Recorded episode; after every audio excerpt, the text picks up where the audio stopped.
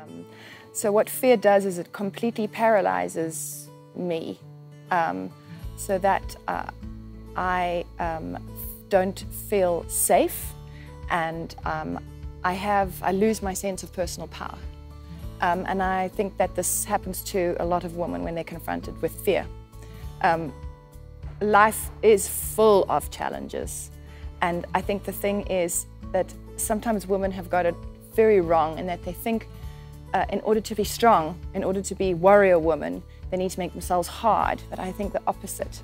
I think that I need to um, be vulnerable and honest with how I'm feeling about any given situation. If I can speak it or feel it or be it, that makes me strong enough to be able to conquer the fear so that um, I'm not stuck in fight or flight and that I can move forward and I can make choices out of grace and love as opposed to uh, fear and ego.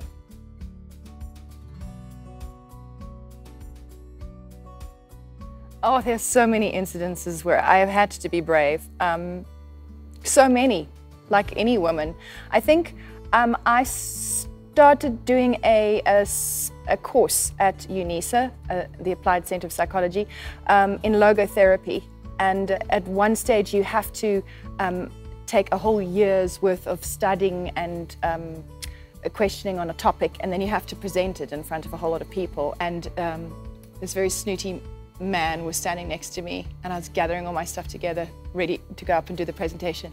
And he said, So, what are you? Are you a counselor? Are you a therapist? Are you a psychologist? I said, No, I'm an actress. And he literally went like this. And I thought, I'm going to show you. And I got up and I delivered my presentation. It was one of those shining moments in my life where I could have allowed my ego and my fear to, to give me this emotionless sort of talk but instead I just, um, I say you've got to use devotion, devotion for what you're doing to get you over the fear. I was devoted to the topic. I was passionate about how this could help people, and I was utterly convinced that this uh, method of Frankl could help people out there like me. And I soared. I really did. Uh, I, I did very, very, very well.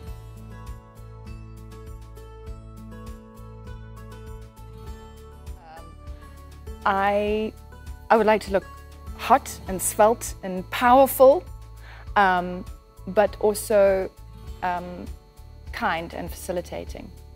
Um, I think it's very important to know that when you're facing fear and you're trying to shift and move more towards love, that the first step you take is actually to show self care and self love for yourself. That really is the most important. And I'll never forget the story of when I first found out that my whole marriage had exploded in the media.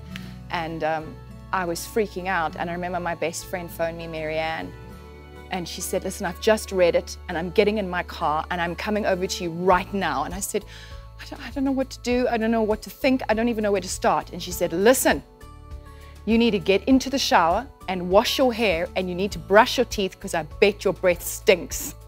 And it was just the most brilliant advice and the best advice I can give a woman out there. So be, I don't know, you know, self care check, self love check. It's very important.